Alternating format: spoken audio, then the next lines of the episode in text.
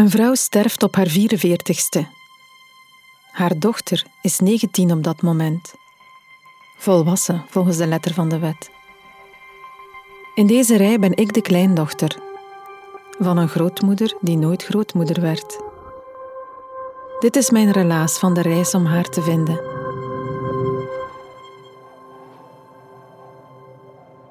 Ik ben Eva de Grote. Je luistert naar Nabij, een podcast over moeders en dochters.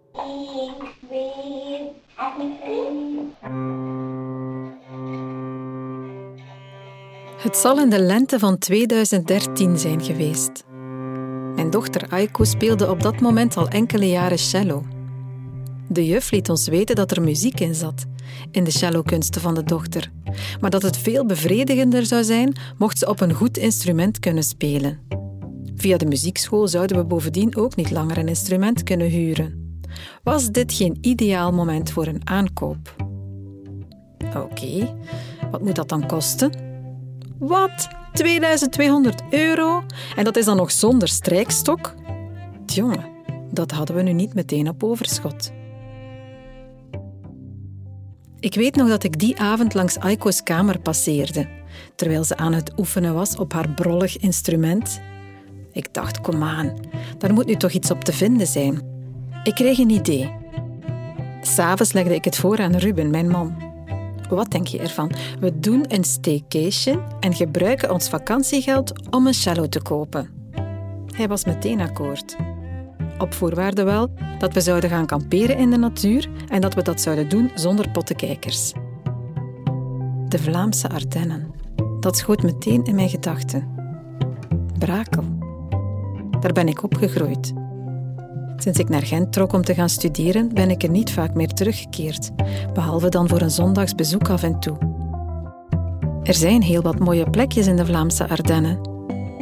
Nu ja, een plaats vinden om te kamperen zonder pottenkijkers, dat was natuurlijk een ander paar mouwen.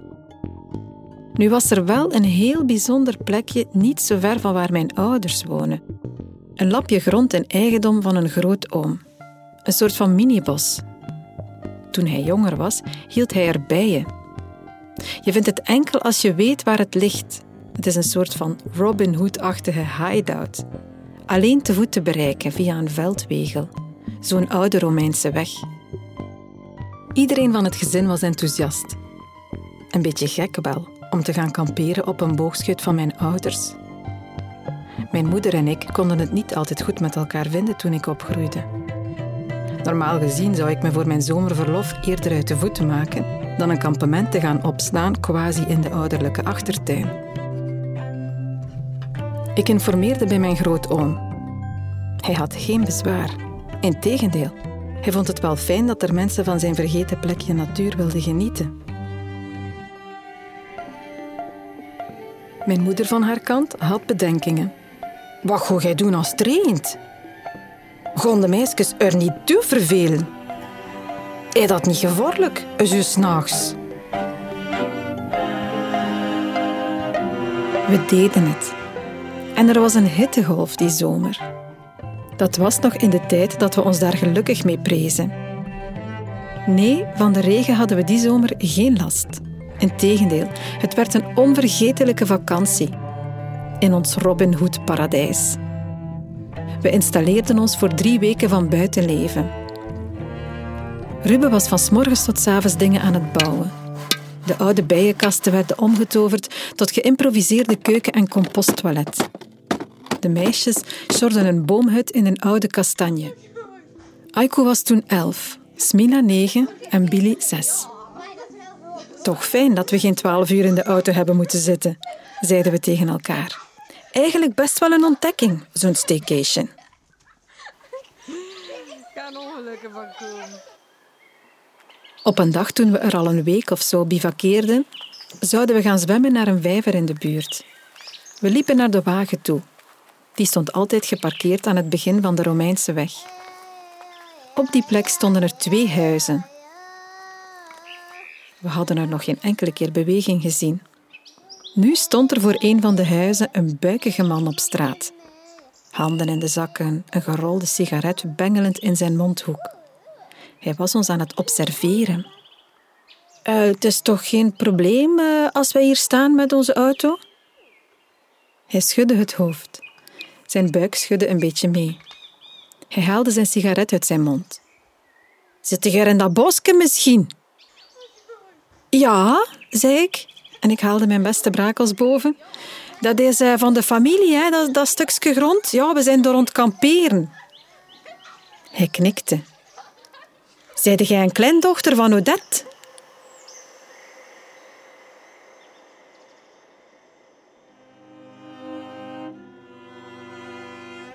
Odette.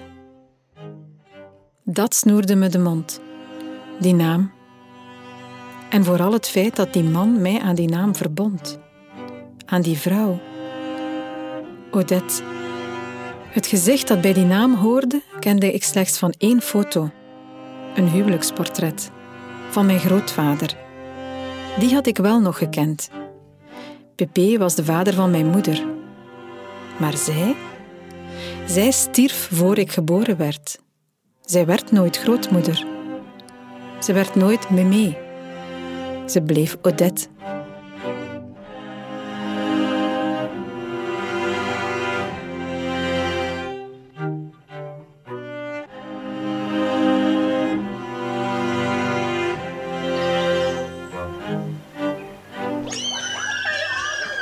De kinderen joelden om ons heen. Gaan we nu eindelijk vertrekken? De man leek te genieten van het spektakel. Drie gillende meisjes in kleurige bikinis, trekkend en sleurend aan de armen van hun ouders. Ruben ontgrendelde de auto en ze sprongen erin. Ik bleef staan kijken naar de man. Je mag hier parkeren, ze, geen probleem. Ik knikte en stapte in. Op naar de zwemvijver.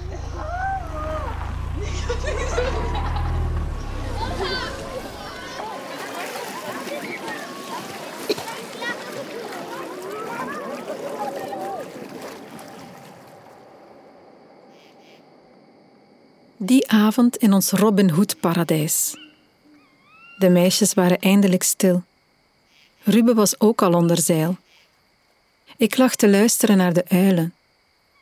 Er zat er eentje vlakbij die communiceerde met een soortgenoot een eind verder weg. Ik genoot van de nachtelijke vertelling. Was het mogelijk dat ik op haar lijk? Ik trachtte me die ene foto voor de geest te halen die ik wel eens had gezien. Ik dacht van niet. De krullen en de bleke huid met sproeten heb ik dan wel van mijn moeder, maar zij kreeg die over langs vaders kant. In de trekken dan misschien. Die man zag toch een of andere gelijkenis. Wie was zij eigenlijk? Odette. Ik wist op dat moment amper iets over haar. Hier begint het. Dit was het moment waarop ik mij voor het eerst realiseerde dat er iemand ontbrak. In mijn familielijn. In mijn leven.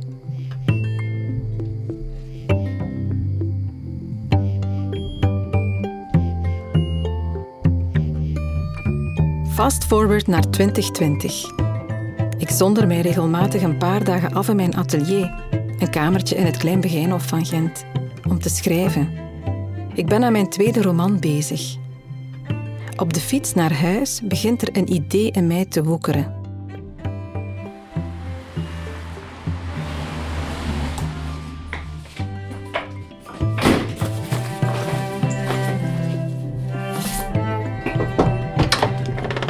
Ruben, heb je tijd voor even te verleggen? Ik sleur mijn man Ruben uit zijn studio. Hij is geluidskunstenaar. Sedert enkele jaren maken we samen podcasts. Ja, oh, al heel baan op de fiets op te pijzen. Het was mijn eerste dag terug in mijn schrijfatelier. Vandaag, hè. Ik had het manuscript van mijn tweede roman een tijd lang laten liggen. Om er opnieuw met verse ogen naar te kunnen kijken. Het is het verhaal over een geadopteerde vrouw die op zoek gaat naar haar biologische wortels en daarbij sporen ontdekt van de vrouw die haar grootmoeder was. Ineens besefte ik hoeveel verlangen er in mij leefde om meer over mijn eigen wortels te weten te komen. En vond ik het heel raar dat ik daar niet eerder was naar op zoek gegaan. Het gaat over jij en uw grootmoeder? Ja, dat is zo raar als je dat zegt, want die is er nooit geweest. Want die grootmoeder is nooit mijn grootmoeder geweest. Maar ze heeft natuurlijk wel bestaan. Ik wil zo graag meer over haar te weten komen. Haar op een of andere manier een plek geven. Terwijl ik dat nu aan het herlezen was, besefte ik dat dat gewoon ik ben die op zoek ben naar mijn eigen... Oké. of is een heel persoonlijk project. We beslissen om op pad te gaan en om de zoektocht te documenteren. Maar laat ik beginnen bij het begin. Bij wat ik mijzelf nog kan herinneren uit mijn kindertijd. Ik groeide op in het huis waar mijn ouders vandaag nog steeds wonen. Een modern huis gebouwd in de jaren 70 naast de kleine boerderij waar mijn pp woonde en waar mijn moeder en haar jongere zussen waren opgegroeid. Pepe zelf was geen boer. Hij reed met de vrachtwagen. Rundertransporten, dat was zijn specialiteit. Hij was een Norse man. Ik hoorde wel verhalen over hoe joviaal hij altijd was geweest. En grapjas ook. Hoe hij op trouwfeesten op zijn handen op de tafel sliep. Maar daar heb ik nooit iets van gemerkt. Tegen de tijd dat ik er rondliep, was hij gesloten en bitter geworden. Mijn moeder stuurde me regelmatig naar hem toe met een bord eten. Soms was dat worst met appelmoes of kotelet met worteltjes, de dingen die we thuis ook aten. Soms was het iets dat ze speciaal voor hem had gemaakt. Hersens bijvoorbeeld, gebakken in boter met veel peper. Ze glibberden in het bord terwijl ik ermee over de kasseien liep. Hij leefde in één kamer, mijn pp. Dat was de woonkamer op de benedenverdieping. Stevast zat hij aan het hoofd van de tafel. Zijn dikke vingers aan de zijkanten van het tafelblad geplooid. Hij verstond de kunst om oogcontact te vermijden. Niet één keer in mijn herinnering keek hij me aan. Hij hield enorm van zijn televisie. Die stond op een wandkast, zodat hij aan de tafel altijd een beetje achterover moest leunen om naar het scherm te kijken. Een van mijn scherpste herinneringen is dat ik mijn nieuwjaarsbrief kwam voorlezen. Hij was mijn Peter. Halverwege mijn brief deed hij een teken met zijn hand dat ik wat opzij moest schuiven, omdat ik het zicht op zijn televisie belemmerde. Behalve om zijn eten te brengen, kwam ik er niet in de woonkamer. Maar ik ging wel vaak rond op de boerderij. Ik vond het heerlijk om op de binnenkoer rond te sluipen alsof ik op een geheime missie was. Op handen en voeten kroop ik onder het raam naar de groene voordeur toe. De koperen klink glansde van de vele handen die er al hadden aangezeten. De geur van die klink kan ik mij nog steeds voor de geest halen. Een scherpe metaalgeur die aan je hand bleef kleven, zelfs uren nadat je die had aangeraakt. Ik wist hoe ik de voordeur muisstil kon openen. Heel lichtjes heffen tijdens het duwen. Dat was de truc. Dan sloop ik langs de houten lambrisering door de gang. In de namiddag lag Pepe meestal te slapen op de sofa.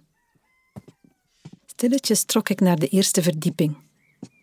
Het was mijn favoriete plek om woensdagnamiddagen door te brengen. De eerste verdieping had ramen met gordijntjes, net als beneden, maar was verder totaal onafgewerkt. Geen tapijten lagen er, maar een ruwe betonnen vloer. Er stond wel een grote massief houten kleerkast. De deuren waren in dik gewelfd hout. Als ik ze opentrok, rolde er een mengeling van muffe geuren uit. Aan de ene kant hingen er statige mannenkleren, onder andere een piteleer, zo'n chique korte jas met lange slippen. Aan de andere kant hingen er een paar jurken, die leken recht uit een kostuumfilm te komen. En een bontje. Ik trok het aan, maar dat duurde niet lang. Ik kreeg rillingen van om een dood dier aan te trekken. Er zaten schuifjes in de kast. Die waren het meest opwindend om te onderzoeken. Een eigenaardig dun kleedje vond ik er. Later zou ik te weten komen dat er een naam voor zo'n kleedje bestond. Een négligé. De stof was lichtblauw en er was een kanten biesje aan de zijkant. In een andere schuif zaten er allerlei doosjes. Sommige waren van karton en vielen bijna uit elkaar. Andere waren van die stevige klapdoosjes. Er zaten juwelen in. Een grote ring met goud en zilver en briljantjes in een vierkant gezet. Oorringen in verschillende duo's. Kettingjes voor pols en hals. In deze kast woonde er een mysterieus wezen. Een vrouw die in dat kleedje had gepast en die die juwelen had gedragen. In de rest van het huis was ze totaal afwezig. Er werd niet meer geleefd in dit huis. Alleen in de woonkamer was er nog iemand. Een oude bronpot. Mijn pp. In mijn herinnering hebben we het thuis nooit over Odette gehad. Het was alsof de familielijn pas startte vanaf mijn moeder. Zij is de oudste in een rij van drie zussen: Maggie, Linda en Marianne. Mijn moeder kreeg zelf ook drie dochters. Van dat rijtje ben ik de oudste. Pepe stierf aan een hartaanval toen ik zestien was. De oude boerderij werd toen verkocht. Er schoot niet veel familie meer over langs mijn moederszijde.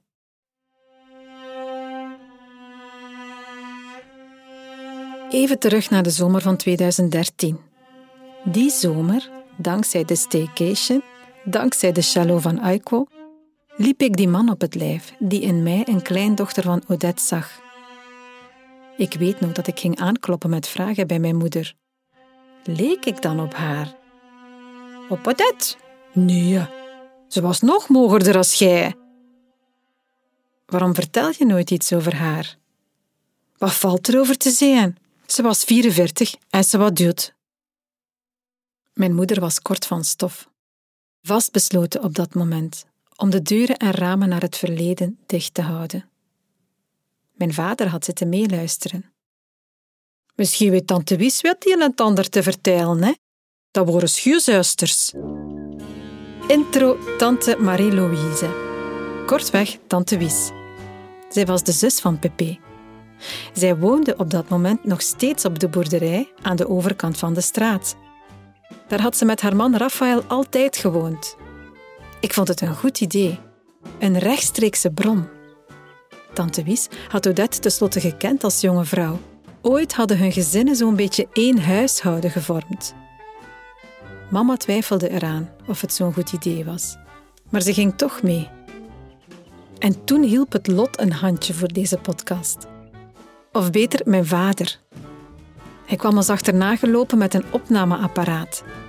Zelf had ik er nog geen op dat moment. Ik was nog geen podcasts aan het maken toen. Maar mijn vader heeft altijd een passie voor archivering gehad. Hij vermoedde wellicht dat het een gesprek kon worden dat hij wel zou willen bewaren voor de familiearchieven. Het was een paar dagen nadat ik met Ruben besloot om deze podcast te maken, dat ik mij opeens dat moment herinnerde. Van mijn vader die me achterna kwam en me dat apparaat in de hand drukte. Ik bel hem op.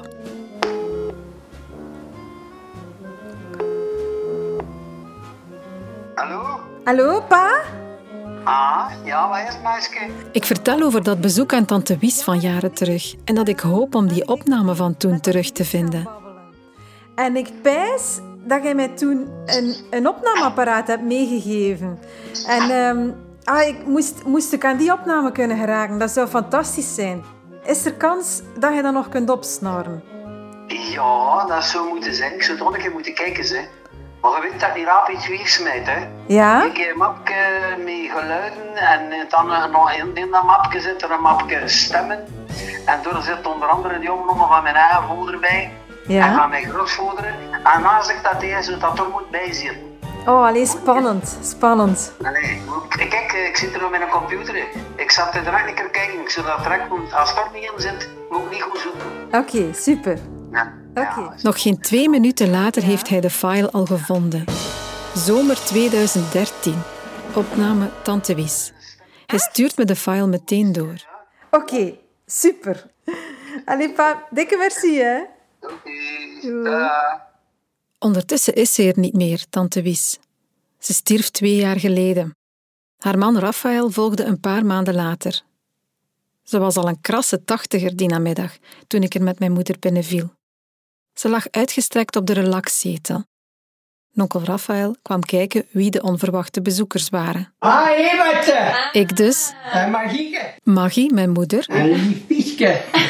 zijn lief Wieske. Dat was dus tante Wies, zijn vrouw. Waarom we vieren?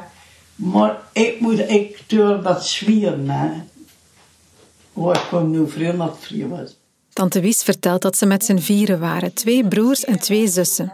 Ze konden het goed vinden samen. En zo'n uur zitten tegen heel zat te scheren, en- Vooral met haar broer Robert, mijn pp, schoot ze goed op.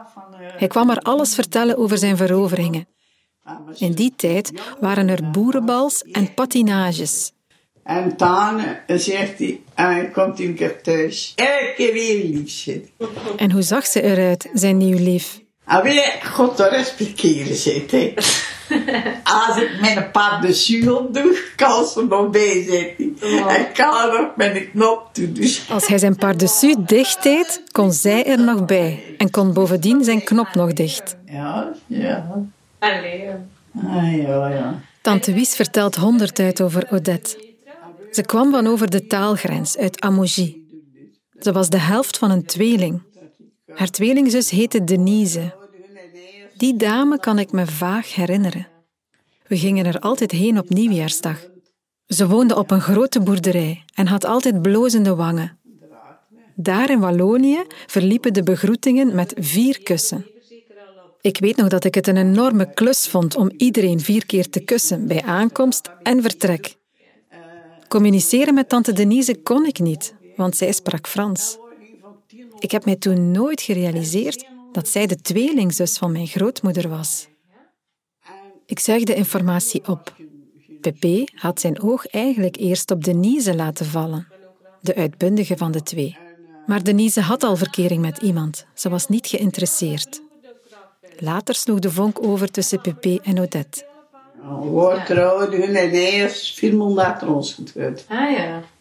We hebben nog eerst alleen gewend. Met hem, hè. We hebben het hier dus over het ouderlijke huis van Pepe en tante Wies. Het huis waar later ook mijn moeder zou opgroeien. De ouders van Pepe en tante Wies verhuisden naar een klein huisje om plaats te maken voor de jonggehuwden. Zo ging dat in die tijd. Later kochten tante Wies en onkel Raphaël de boerderij aan de overkant van de straat en vormden ze zo'n beetje één groot huishouden over twee boerderijen en gezinnen. Ik probeer zoveel mogelijk te weten te komen over Odette en hoe ze was. Als ze waren natuurlijk drie morgen en je mocht zeggen twee eiers met wijn. Met, met, met. En die dag, Twee eieren, rode wijn en roeremaar. en ze moest dat tussen. Zie, ik, ik wilde dat er kilo's bij. En dat ze verkloekte het. Pepe schonk haar dat drankje in de hoop dat ze zou bijkomen. Maar zij is ook als een mogen over, over grootmoeder. Ik ben ook mager zoals Odette, zegt onkel Raphaël. Bizar toch, hoe ook hij een link legt tussen mij en haar. Iets in mijn verschijning doet blijkbaar denken aan haar. En wat nog vreemder is, mijn moeder beaamt het, terwijl ze eerder altijd alle overeenkomsten ontkende. Kort na de ontmoeting met tante Wies en onkel Raphaël gingen we terug naar huis. De vakantie zat erop. We doken weer volop in de drukte. Er waren nog wel zondagse bezoeken naar de Vlaamse Ardennen, maar Odette kwam niet meer ter sprake. Ze verdween terug in de stoffige plooien van een stil verleden. En zo gingen er jaren voorbij. Tot ik in het voorjaar van 2016 tegen een muur aanliep. Van de ene dag op de andere kon ik mijn bed niet meer uit. Een bloedanalyse bracht geen fysieke problemen aan het licht. Mijn huisdokter kwam met het verdict. Burn-out. Totale uitputting. In de eerste plaats was dat werkgerelateerd. Maar het uitvallen bleek het begin van een lange reis, waarbij er ook dieperliggende dingen kwamen bloot te liggen.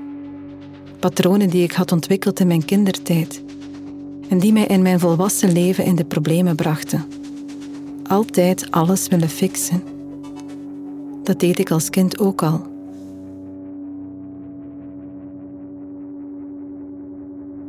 Tussen mijn moeder en mij is het vroeger nooit makkelijk geweest. Als kind voelde ik mij niet gezien.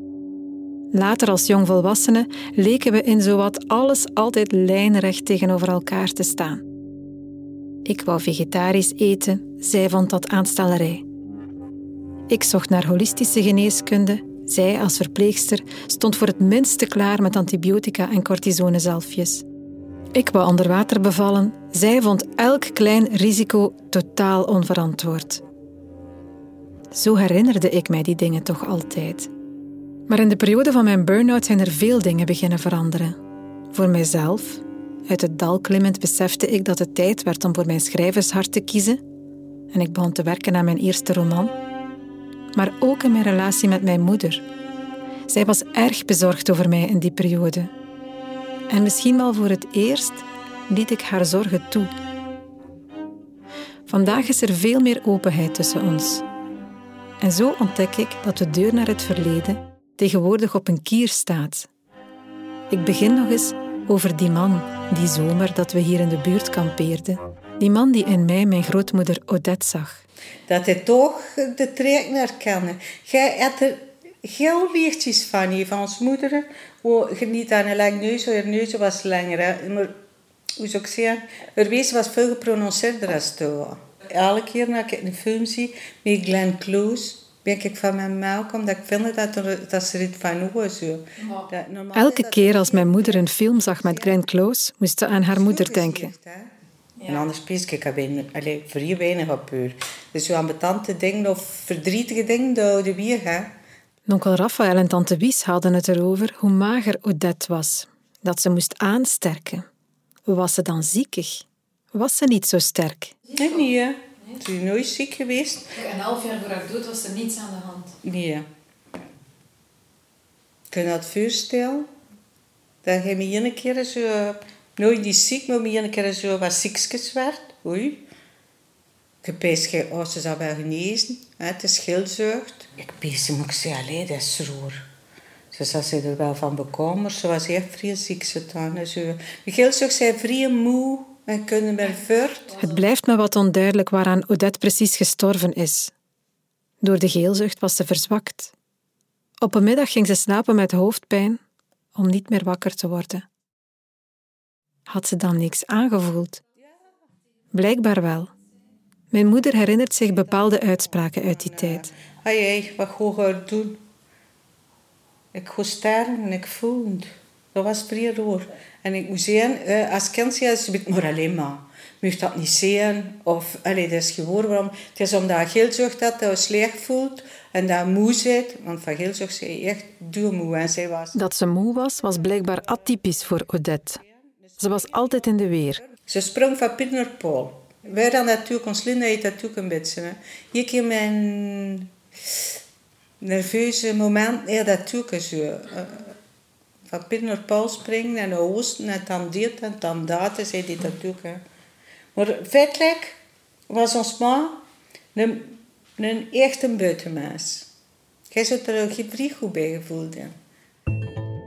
Ik zou mij goed hebben gevoeld bij haar.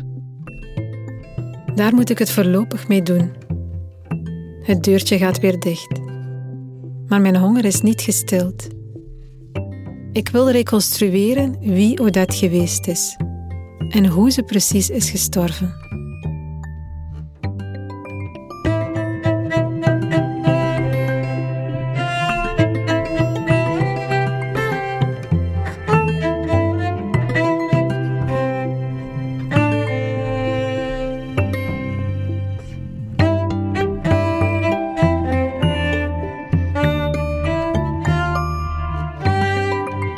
De volgende aflevering trek ik op pad om het leven van Odette te reconstrueren.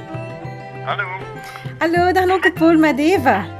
Ik zoek contact met de jongste broer van Pepe, de enige die vandaag nog in leven is. Eerst en vooral, ze was uh, uh, in een Franstalige omgeving grootgebracht. Hè. Zij was danig verliefd op mijn broer. Ik probeer contact te maken met de dochter van de tweelingzus van Odette in Amougy.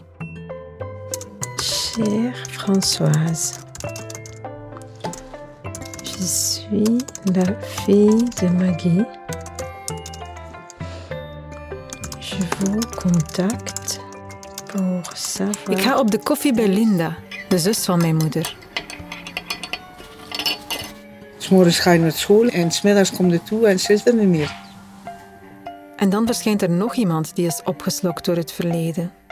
Er was ook een broer, Luc. Hij kwam om het leven zes maanden na zijn moeder Odette. Een oom waar ik amper iets over heb gehoord. Dat was echt een, een ja, ik dan ze zeggen, een, een symbiotische band. Voor, voor Luc was er maar één persoon en dat was ons ma. Hè. En die viel weg.